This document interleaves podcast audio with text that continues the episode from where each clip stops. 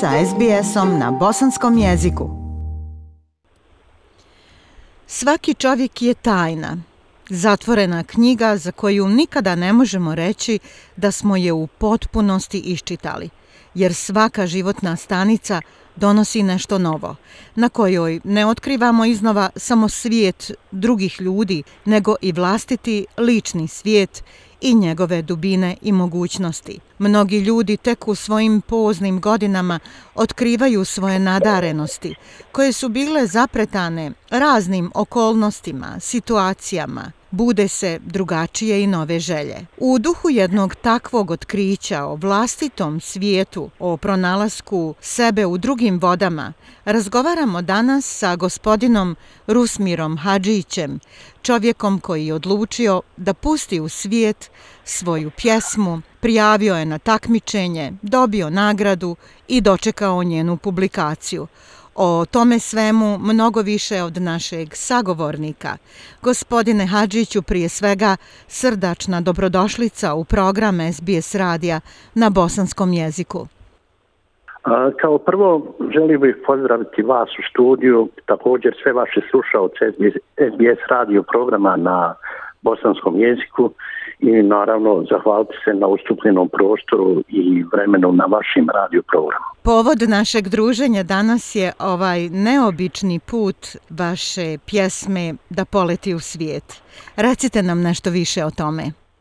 Pa znate kako, slučajno sam tokom ove pandemije početkom godine na internetu vidio objavu za međunarodni naticaj poezije u organizaciji pisci književnost u Hrvatskoj i tako sam došao na ideju da predočim jedan od svojih radova i na kraju rodilo je plodom jer je isti nagrađen i kao što ste rekli o svoje šesto mjesto u ukupnom plasmanu i naravno to me veoma raduje. Značajno je to da je ukupno bilo negdje oko 250 rukopisa iz preko 10 zemalja, počeo od Amerike, Australije, Evrope i naravno iz zemalja regiona bivše Jugoslavije. I pošto se radi o veoma profesionalnom odnosu iste organizacije, oni su izdali zbirku poezije pod nazivom Povezani stihom grupe autora i koja je ugledala svjetlo dana kraje maja ove godine. Inače, knjiga je štampana u Hrvatskoj i u Splitu. Povezani stihom zbirka je poezije nadahnutih pjesnika koji su inspiraciju crpili iz svakodnevnog života kao što su ljubav, čežnja, sreća i svega toga što život kao takav nosi. Čestitamo vam na uspjehu. Eto, prva vaša objava, svakako to nije prva pjesma, ali došao je uspjeh. Vi ste, gospodine Hadžiću, u Australiji već duže od 25 godina. Dobro ste poznati bosansko-hercegovačkoj zajednici u Melbourneu. Dugi niz godina vodili ste restoran Sarajevo u istočnom dijelu grada. Kakve su to bile godine?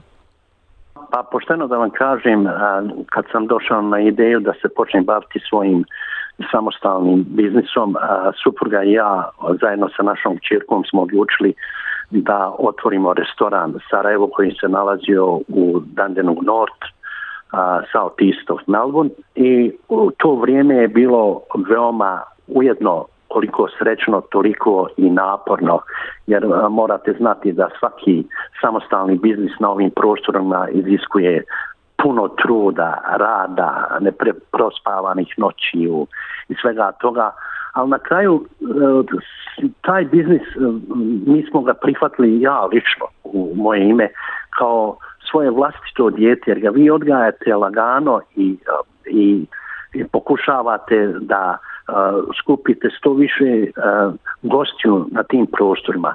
Samim time Sarajevo restoran nije samo bio podloga da pruži usluge hrane i pića.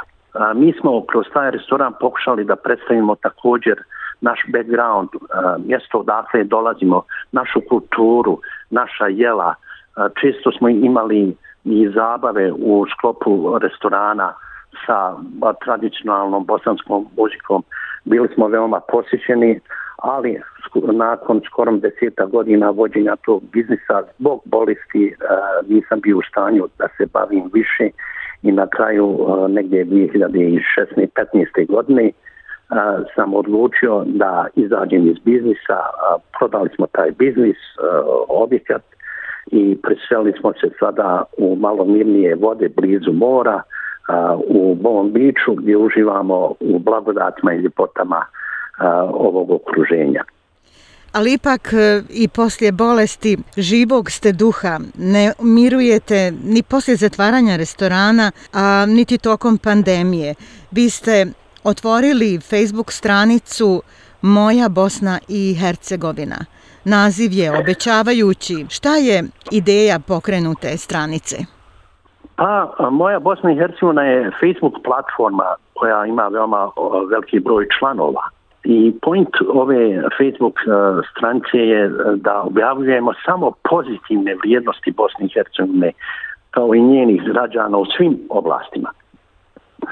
Uređivačka politika grupe, odnosno administriranje koje uglavnom vršim ja, ne održava stavove nijedne političke ili nevladne organizacije. Kao što znate, u ovom civilu i dešavanju a, na prostorima Bosne i Hercegovine, moj pokušaj je da samo a, lijepe stvari predstavimo na toj stranci. A, mnogi će primijeti da a ukoliko posjetite tu stranču, primjer radi, trenutačno objavljujemo informacije o prelijepim utvrđenjima, starim gradovima, kulama u Bosni i Hercegovini, koji su proglašeni nacionalnim spomenicima i kao što su um, stari grad u Jajcu, također u Travniku, stari grad u Stocu, Tvrđava u Strožacu, Počtelj, Vranduk, Kacel u Banja Luci, Kula u Gradačcu, Zvornička kula, um, Također imali smo ogroman broj uh, uh, objava o gradovima u Bosni i Hercegovini pod nazvom zašto se grad u kojem živite baš tako zove. Uh, također objavljivali smo a, a, seriju o nacionalnim parkovima u Bosni i Hercegovini kao što su Una, Kozara, Park Una, Kozara i Sutjeska.